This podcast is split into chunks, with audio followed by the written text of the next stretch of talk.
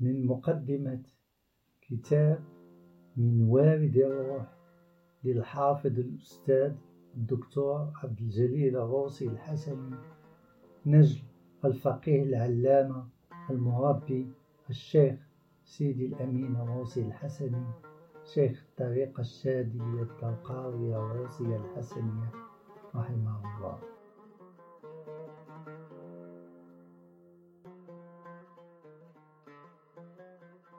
الناس جل الناس على اختلاف أعراقهم وأديانهم على اختلاف أعمارهم وأفكارهم واجتهاداتهم يتخبط في وحل نتائج الإخفاقات العارية كيانه والكثير أبعاده.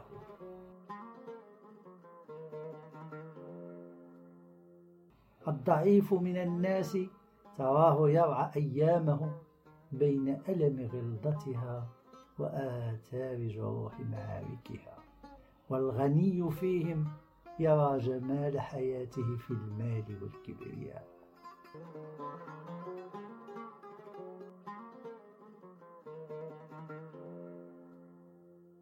سعادة المتكبر مقيدة في هاتين المتغيرتين التي بهما الفقراء والمساكين والضعفاء يعانون ضيم الأيام والسنين.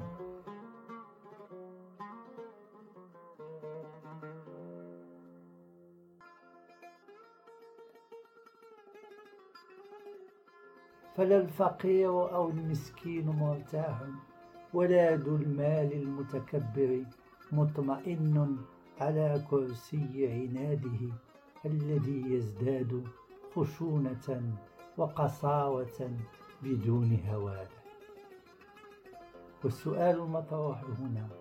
لماذا كل هذا؟ لماذا هذه المعاناة مستمرة منذ قرون تنخر أجسام البشرية وكيانهم الإنساني؟ فهل فشل الإنسان ليكون خليفة الله في أرض السماء حقا؟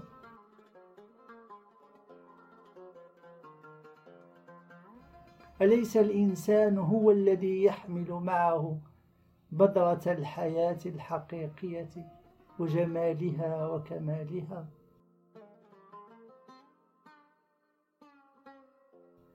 أليس الإنسان وجوده بين الخلائق معجزة عظيمة القدر والشأن.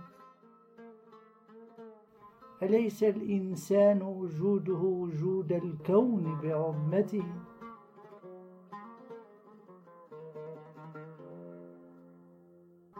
أليس الإنسان هو البذرة الحية التي تحمل في طيها عجائب الشكل والحجم والجمال والبصمات وسمات التفكير والوعي والذكاء ثم العلم والمعرفة.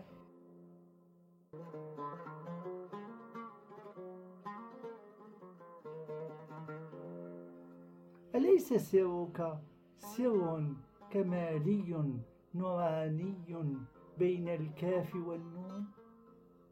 فكنت أنت الجليل المرصع المكنون.